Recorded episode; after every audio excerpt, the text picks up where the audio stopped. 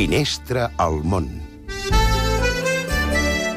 Anem primer cap a Tailàndia. Jordi Calvet, se va dir que... Se va dir cap, Elisa. La llei marcial no sembla la millor manera de traure el turisme, un punt de vista que en tot cas no comparteix el govern de Tailàndia que justament ha anunciat una campanya per captar nous visitants, oferint com a reclam aquesta dràstica mesura que els militars van imposar ara fa cinc mesos. La campanya defensa que gràcies a la llei que dona amplis poders a l'exèrcit, els turistes poden anar ben tranquils pel país, tant de dia com de nit.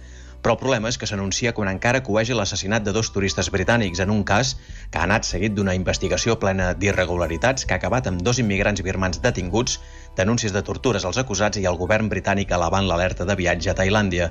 Just al contrari del que busca una campanya que intenta calmar els empresaris del sector, que per culpa de la inestabilitat política han vist com aquest any l'arribada de turistes ha caigut un 20%. Gràcies, Jordi Calvet. Ara a Washington. Xavier Vilà, bona nit. Bona nit. La proliferació de camions menjador a Washington, com els que us mostro a la postal d'avui, amplia l'oferta gastronòmica d'una ciutat acostumada a dinar a peu dret o sobre l'escriptori, davant de l'ordinador, vaja. Legions de funcionaris amb la identificació penjant del coll fan cua per comprar menjar mexicà, indi o xinès. D'acord, d'acord, aquests jornalers de la cuina no guanyaran cap estrella Michelin, però vaja, almenys et fan sortir del pas fins l'hora de sopar.